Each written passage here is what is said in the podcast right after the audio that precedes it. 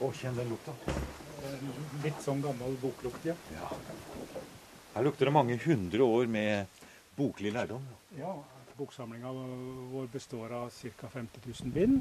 Og her er det jo veldig mye materiale. Det eldste materialet er fra slutten av 1400-, tidlig 1500-tallet. Vi begynner her nede i boksamlingen og magasinene til Aust-Agder kulturhistoriske senter i Arendal. Her er bl.a. Holbergs eh, Danmark-Riges historie. Så det, det, er veldig mye historisk eh, Og Jeg ser jo det er noen av disse verkene her som har vært veldig godt brukt. Se på den her, den er helt utlest. Hvilken bok kan det være? Erik Rosenkrantz. Ja. Eh, til, Ros til Rosenholm. 1683 den gitt ut. Å, en gammel presset blomst som ligger der. Ja, ja, ja. Tenk om den er fra 1600-1700-tallet. Det kan jo tenkes. Kan, kan. Vel bevart, godt fortalt, er visjonen til senteret, som er eid av alle kommunene og fylkeskommunen i Aust-Agder. Fokuset er på skipsfartshistorie og samtidshistorie, som f.eks. For formidlingen av industristedet i Eidehavn og slaveskipet Fredensborg. Men i dag har vi kommet for å møte historiker og direktør Kjell Olav Masdalen. Og la ham ta oss med til vikingtiden. Og det er en periode hvor Agderfylkene merkelig nok ikke er så mye nevnt i de skriftlige kildene. Agders historie fra denne perioden er jo veldig lite forska i og veldig lite kjent, og har også i eh, norsk sammenheng eh, spilt en, en, liten rolle. Hvis vi ser på eh, bildet av Norge i vikingtiden, som er slik det er beskrevet i kildene, hvor er det ting foregår hen i Norge da? Nei, Det er jo slik at eh, det foregår først og fremst eh, på Vestlandet og i Trøndelag, og for så vidt på, på Østlandet. Mens uh, Agder er et område som nesten ikke beskrives i, uh, i sagalitteraturen. Mm. Eller som uh, Jens Kraft sa i sin tid, at det var et sted man ikke hadde å tøve etter. Man seilte bare forbi denne landsdelen. Men likevel så vil jo jeg si i hvert fall at Agderfylkene Lindesnesområdet, hele denne kyststrekningen fra vest og til øst eller den andre veien, det er jo et, det er jo et veldig fascinerende område. Et område som man da i tilfelle også må gjennom. Ja, det er det. Og det var et uh, område man måtte forholde seg til. Uh, enten man befant seg på Østlandet eller Vestlandet, eller man befant seg i Danmark og i Europa, skulle ut og inn av Østersjøen uh, osv. Eh, og Det er også noe av bakgrunnen for at jeg kanskje har valgt å finne et annet ståsted for den forskninga jeg driver når det gjelder Agders eh, historie. Eh, for når det gjelder norsk forskning, så, så blir jo denne landsdelen relativt uinteressant. Uh, men hvis man ser det i en mer nordisk sammenheng, så kan det bli et helt annet bilde man kan finne av denne landsdelen. Og da går det på de ulike maktinteressene, de ulike grupperinger man hadde i, i Skandinavia. Altså de norske interesser, de danske interesser, og ikke i så stor grad de svenske interesser. Men særlig i denne spenningen mellom de norske maktinteresser og de danske, så blir faktisk Agder en veldig interessant område. Og det blir et grenseområde mellom disse ulike interessene.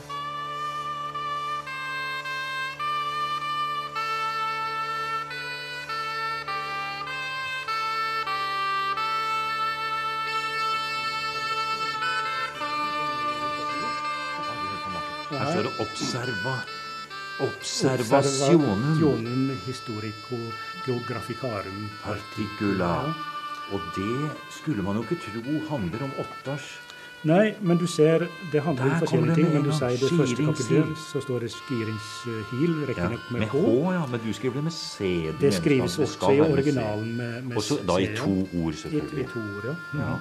Her står det 'Narat caput hoftani nigri rex norvegicus inskiristal sepultum esse'. Også Halvdan Svarte. Og da han begynner å få se disse forbindelsene, kommer med sin Omtrent samtidig som de folkelige Carmina Burana-sangene ble skrevet ned, kanskje på 1200-tallet, var Ottars beretning tatt opp i Lauderdale og Cotton-manuskriptene. Som i dag ligger i British Museum og er det eneste sted man kan lese en original avskrift av Ottars reisebeskrivelse.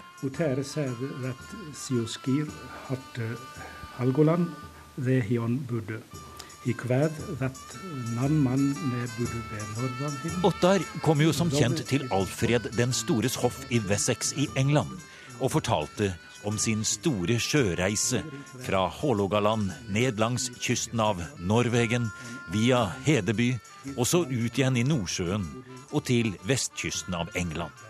Det er nok liten tvil om at Ottars beretning gjorde stort inntrykk, for kong Alfred sørget for at Ottars fortelling ble tatt med da historieverket den lærde Paulus Orosius hadde skrevet på 400-tallet, ble omarbeidet i året 890. Både disse kildene og mange andre verk fra middelalderen som drøftet og analyserte Ottars reiserute, har Kjell Olav Masdalen forsket på i sitt kontor ved Aust-Agder kulturhistoriske senter.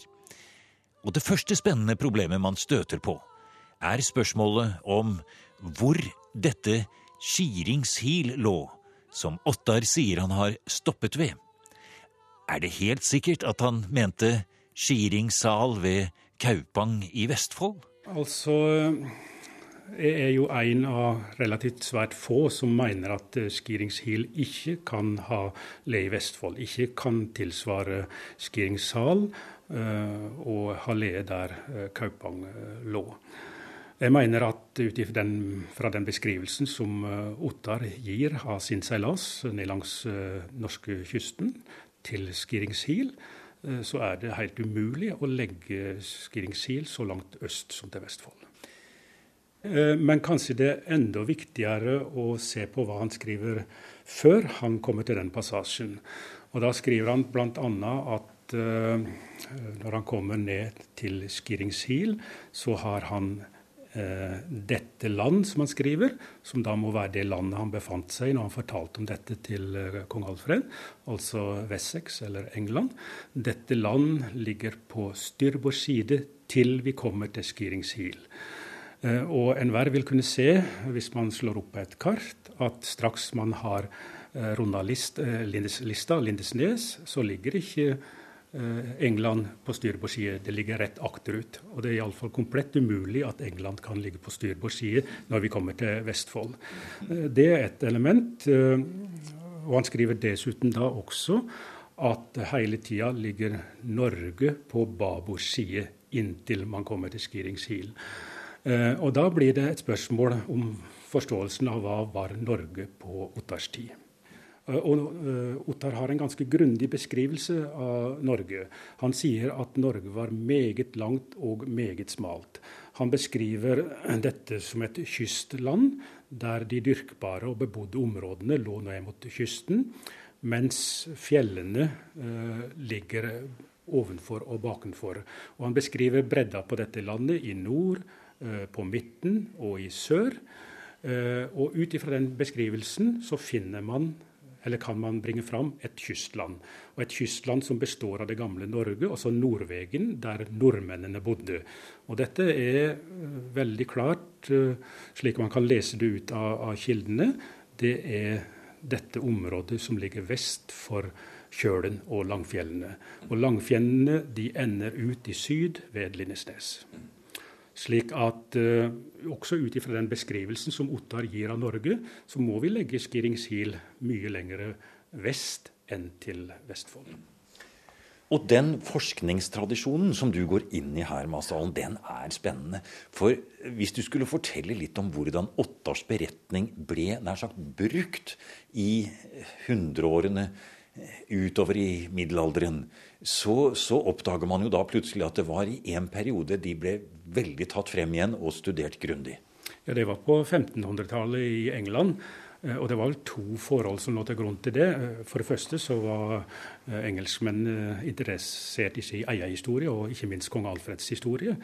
Så det var den ene grunnen til at de begynte å, å se på de gamle engelske manuskriptene.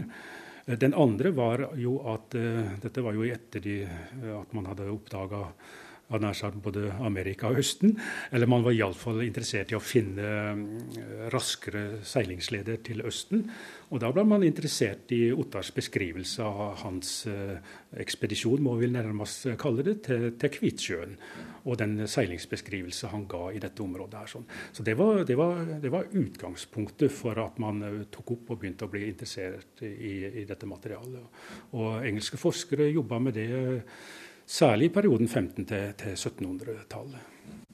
Og eh, kanskje i en lang periode, i en 500-årsperiode, så ble jo Åttårs beretning studert veldig grundig av disse skal vi si, eh, gamle lærde. Mm. Eh, denne nye oppsvinget i å studere kildemateriale fra middelalder som kommer fremover på 1600-, 1700- og 1800-tallet. Og så griper man altså tak i Ottars beretning og prøver å finne ut hvor de forskjellige stedene han forteller om, mm. finnes. Og spesielt da det som etter hvert mange kaller for skiringssal, men som du nå passer på å si skiringshil, sier du hele tiden her nå. Vi skal komme tilbake ja. litt til hvorfor. Ja. Men altså skiringssal, bare for å holde fast mot den uttalen et lite øyeblikk. Mm. Den har jo blitt plassert mange forskjellige steder i de 500 årene hvor Ottars beretning har blitt uh, gransket. Ja, den har eh, blitt plassert svært eh, mange forskjellige steder. Eh, det første plasseringa, eller det som var en rimelig felles oppfatning lenge, det var jo ved, ved elva, eller Göteborg, altså kong Helle. Bl.a. den danske forskeren Jakob Langebekk på slutten av 1700-tallet. Han las jo Skiringshil til å være Kiningshil, altså kong Helle. Eh, og han og andre forskere mente at det var en riktig plassering. Og det var i og for seg en logisk plassering, for det var jo her skillet mellom Norge og Danmark gikk i middelalderen. Nordre elv var jo grenseelven der. Ja. Så det var helt logisk. Så kom det andre litt mer kuriøse forslag, slik som f.eks. den tyske forskeren eh, Johan Reinhold Eh, Forster, som plasserte det i den svenske skjærgården. Eh, Forster er, Stockholm, mente han. Stockholm, ja. Eh, Forster er vel kanskje mer kjent som naturforsker, som var med Cook på hans andre stillehavsreise i 1770-åra. Men han, gjennom en lang argumentasjon, plasserer det til den svenske skjærgården. Og det er andre områder i Østersjøområdet osv. som det har vært, vært plassert. Men først og fremst så er det Kaupang i Vestfold som de fleste forskerne har funnet frem til? Først og fremst er det Kaupang i Vestfold, eller Skiringssal som man helst uh, sa da. Uh, og det begynte man å se på på slutten av 1700-tallet. Både Skjøning og Langebekk var innom, men de greide allikevel ikke å, å finne ut at det slik var. Så det var først den svenske forskeren Jakob Friedrich Neikter i 1802 som eh, da foreslo og fikk aksept for at dette måtte være Skiringssal i, i, Vestfold. Og Så kjenner vi jo til eh, den berømte norske kvinnelige arkeologen Charlotte Blindheim, som på 60-tallet var den første som eh, vel gjorde en stor og omfattende utgravning der. Og også hun var jo ganske kategorisk i å slå fast at dette er Ottars Skiringsal. Ja da, og da hadde jo norske forskere i 150 år alle slutta opp om at det måtte være det. Og når Charlotte Blindheim finner uh, denne handelsplassen, eller markedsplassen, Eh, så var det i og for seg en naturlig eh, konklusjon eh, at nå har vi bevist at Skrigshil må ligge her i Kaupang. Ja, og Det samme gjør jo Dagfinn Skred. Du har den store, flotte boken her bak oss her. Den store utgravningen fra Kaupang inn Skiringssal på engelsk. Ja. Det blir på en måte bekreftet der. Mm. Men her på bordet ditt, Masterholm, på kontoret ditt her i Arendal, så ligger det noe annet her også. Det ligger en mengde dokumenter og papir utover her, men også denne her. Og det er altså, da står det uden tvil, med fullkommen rett, hvor lå Skiringshil? Ja, altså det, For meg er det foreløpig en arbeidstittel, uten tvil, med fullkommen rett. Det er den danske forskeren eh, Rasmus Christian Rask, altså språkforsker, som i 1815, var det vel, eh, eh, slutta seg til Neikter eh, og sa at uten tvil, med fullkommen rett. Eh, det vil si, han sa det to ganger. For det første så sa han det eh, Først så slutta han seg til Langebæks syn om at det var kong Henry. Da sa han uten tvil, med fullkommen rett, så er det slik. Men så ble han kjent med Neikters syn, og så, så sa han det samme da. Og forskerne har da etter den tid sagt uten tvil, med fullkommen rett, så ligger Skiringshil, eller er det samme som Skiringssal eller Kaupang. Eh, Men du setter et stort spørsmålstegn i din tittel på din avhandling som ligger her. Ja, jeg setter et stort spørsmålstegn, og det er av to årsaker. For det første, de aller fleste forskere, med ytterst få unntak, de har jo ikke gått inn i materialet for å se på, nærmere på dette, om det er slik. Eller om det kan være informasjon som tyder på at det kan være, eh, være annerledes. Uh, og det undrer meg ganske mye at uh, når man kommer med så sterke påstander, slår Eh, ting fast, er full enighet om, at man ikke da har gått grundigere inn i kildematerialet for å se om det kan være alternative sannheter til dette. Mm. Og du oppdaget jo at også andre enn deg arbeidet med dette materialet. For det er også en islandsk forsker som nettopp nå har gjort et stort uh, arbeid, hvor, han, hvor også han uh, da setter spørsmålstegn ved hvor eller hva Skiringshil var for noe. Ja, det er den islandske forskeren Einar Gunnar Birgesson som i 2006 eh, ga ut et skrift uh, om dette, og der han går ganske grundig inn i, i det grunnlagsmaterialet, eller særlig Ottars beretning, da, for å se på hvordan dette kunne forholde seg. Og han konkluderer jo ganske bastant, vil jeg si, med at Skringshil må ligge lenger vest, kanskje helst i Vest-Agder Eh, Rogalandsområdet. Eh, og han bygger jo dette først og fremst på Ottars egen beskrivelse, også en del eh, andre forhold. Jeg er ikke helt sikker på om man kan være fullt så bastant som Einar Gunnar Birgersson er. Jeg er fortsatt i tvil om hva svaret på dette kan være. Men jeg mener at det er viktig at man tar opp den hansken som Einar, Einar Gunnar Birgersson har kasta ut, for å se om eh, det er mulig å klarlegge dette nærmere. Ja, for hva er det du da bygger konkret din eh, vurdering av Skiringshil på? Og hvorfor insisterer du Masdalen på å si Skiringshil og ikke Skiringssal? Ja, for Skiringssal, da har man jo godtatt at det er i Vestfold. Eh, så det er på en måte en slags eh, demonstrasjon at det iallfall foreløpig ikke vil eh, godta det. Når det gjelder hva jeg bygger på, så kan det være mange ting. Men det er først og fremst Ottars egen beskrivelse. Det er hans beskrivelse av Norge. Det er hans beskrivelse av hvor England lå. Det er hans beskrivelse av hvor dette store havet skar seg inn i landet. Men det er også annen kunnskap som det er mulig å, å hente fram fra denne perioden, nemlig dette som går på de danske maktinteressene i Norge. Uh, og selv om noe av dette materialet kommer til i ettertid, altså etter Ottars tid, så beskriver de de danske maktinteressene på en sånn måte at det vitner om en lang tradisjon. Og der er det helt klart at uh, maktgrensen mellom de norske interessene og de danske interessene, den går ved Lindesnes. Ved Lindesnes. Og når du sier da Skiringshil, så må vi da gå litt inn på Hil. Hva betyr det, mener du? Ja, altså, du kan si Det, det første argumentet for at man mente at Skiringsil var Skiringssal, det var jo navnelikheten. Og Så begynte man å se på hva betyr nå dette på disse to språkene. Eh, og uh, altså det, det Førsteleddet, eh, skiring, mener man har, kommer av det gamle norske skir, som betyr rein, klar, lysende. Og man knytta det til guddommen Frøy. Uh, skir på, i gammel engelsk kan også faktisk bety klar, lysende. Det kan også et, bety et embetsdistrikt eller et område. Uh, Andreleddet uh, hil uh, mente man da var det samme som det norske hall eller sjal. og mente man da for så vidt hadde forklart dette tilfredsstillende. at det ikke bare gikk på navnelikhet, men også betydningslikhet. Men eh, etter hvert så viser det seg, og det er en rekke forskere, bl.a. engelske forskere, som eh, har gått nærmere inn på dette eh, begrepet HEAL, at det er nok ikke hall eller sal det betyr. Det, altså ikke, det beskriver altså ikke en, en, en, bygningskonstruksjon, men det beskriver her en landskapsform.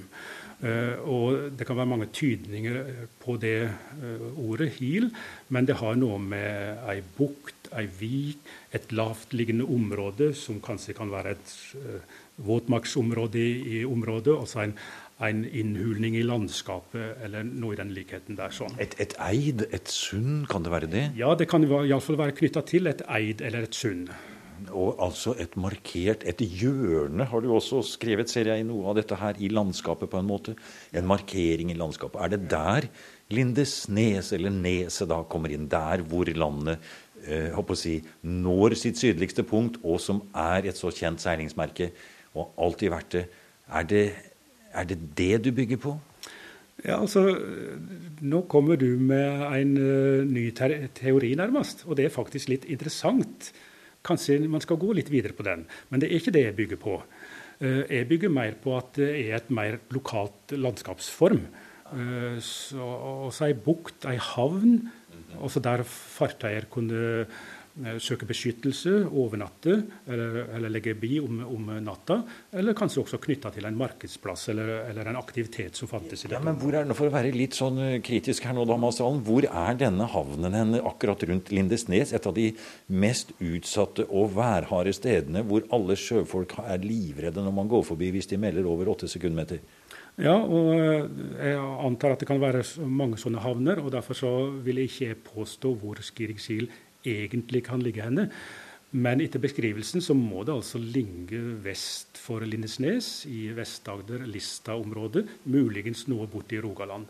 Altså hvis man, hvis man, skal ha en favoritt, så er, det, så er det Huseby på Lista, eller Lundevågen på Lista. Som er et slikt område. Nettopp. og der har man jo Huseby, akkurat det samme som man har på Kaupang. Huseby.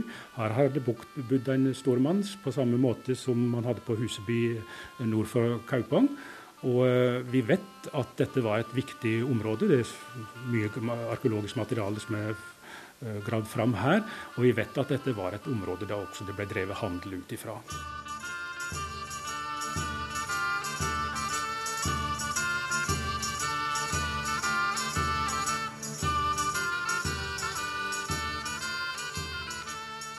Historiker og direktør Kjell Olav Masdalen ved Aust-Agder kulturhistoriske senter har liggende sitt manuskript foran seg på skrivebordet.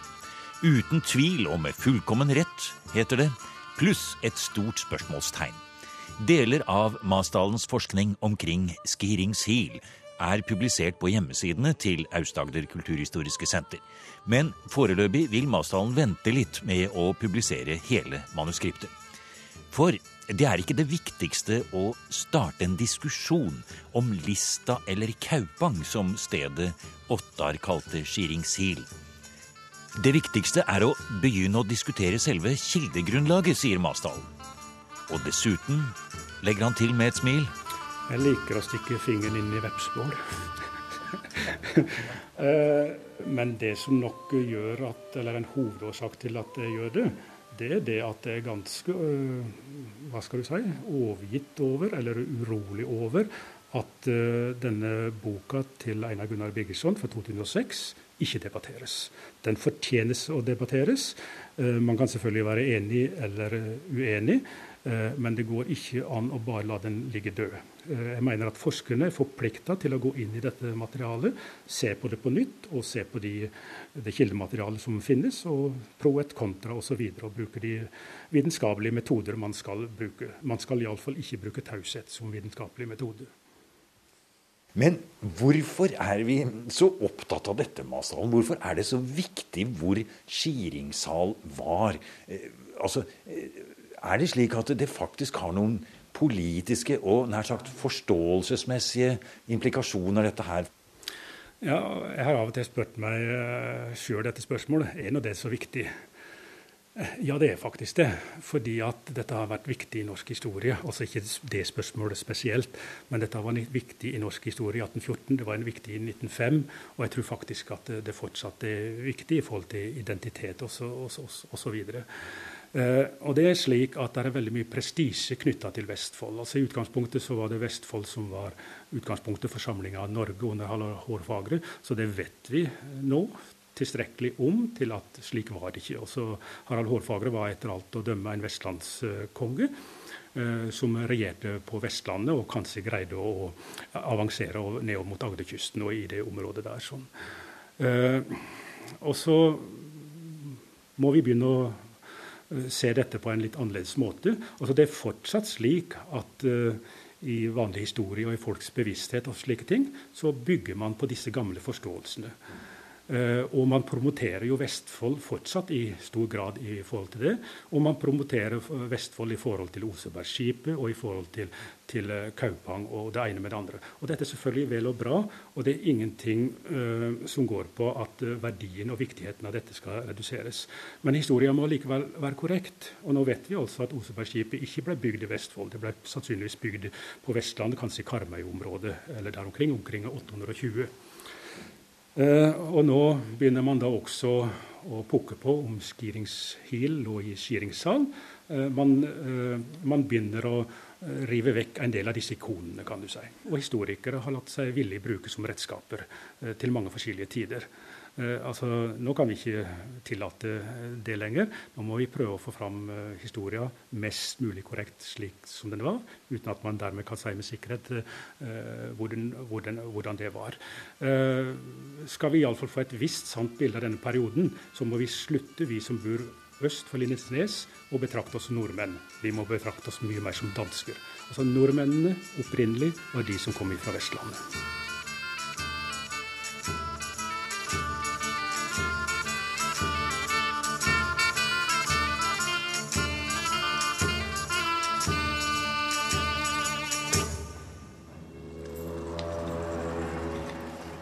Du har nå hørt programmet Museum som podkast fra NRK. Museum sendes i NRK P2 på lørdager og søndager. Du finner flere programmer på nrk.no podkast.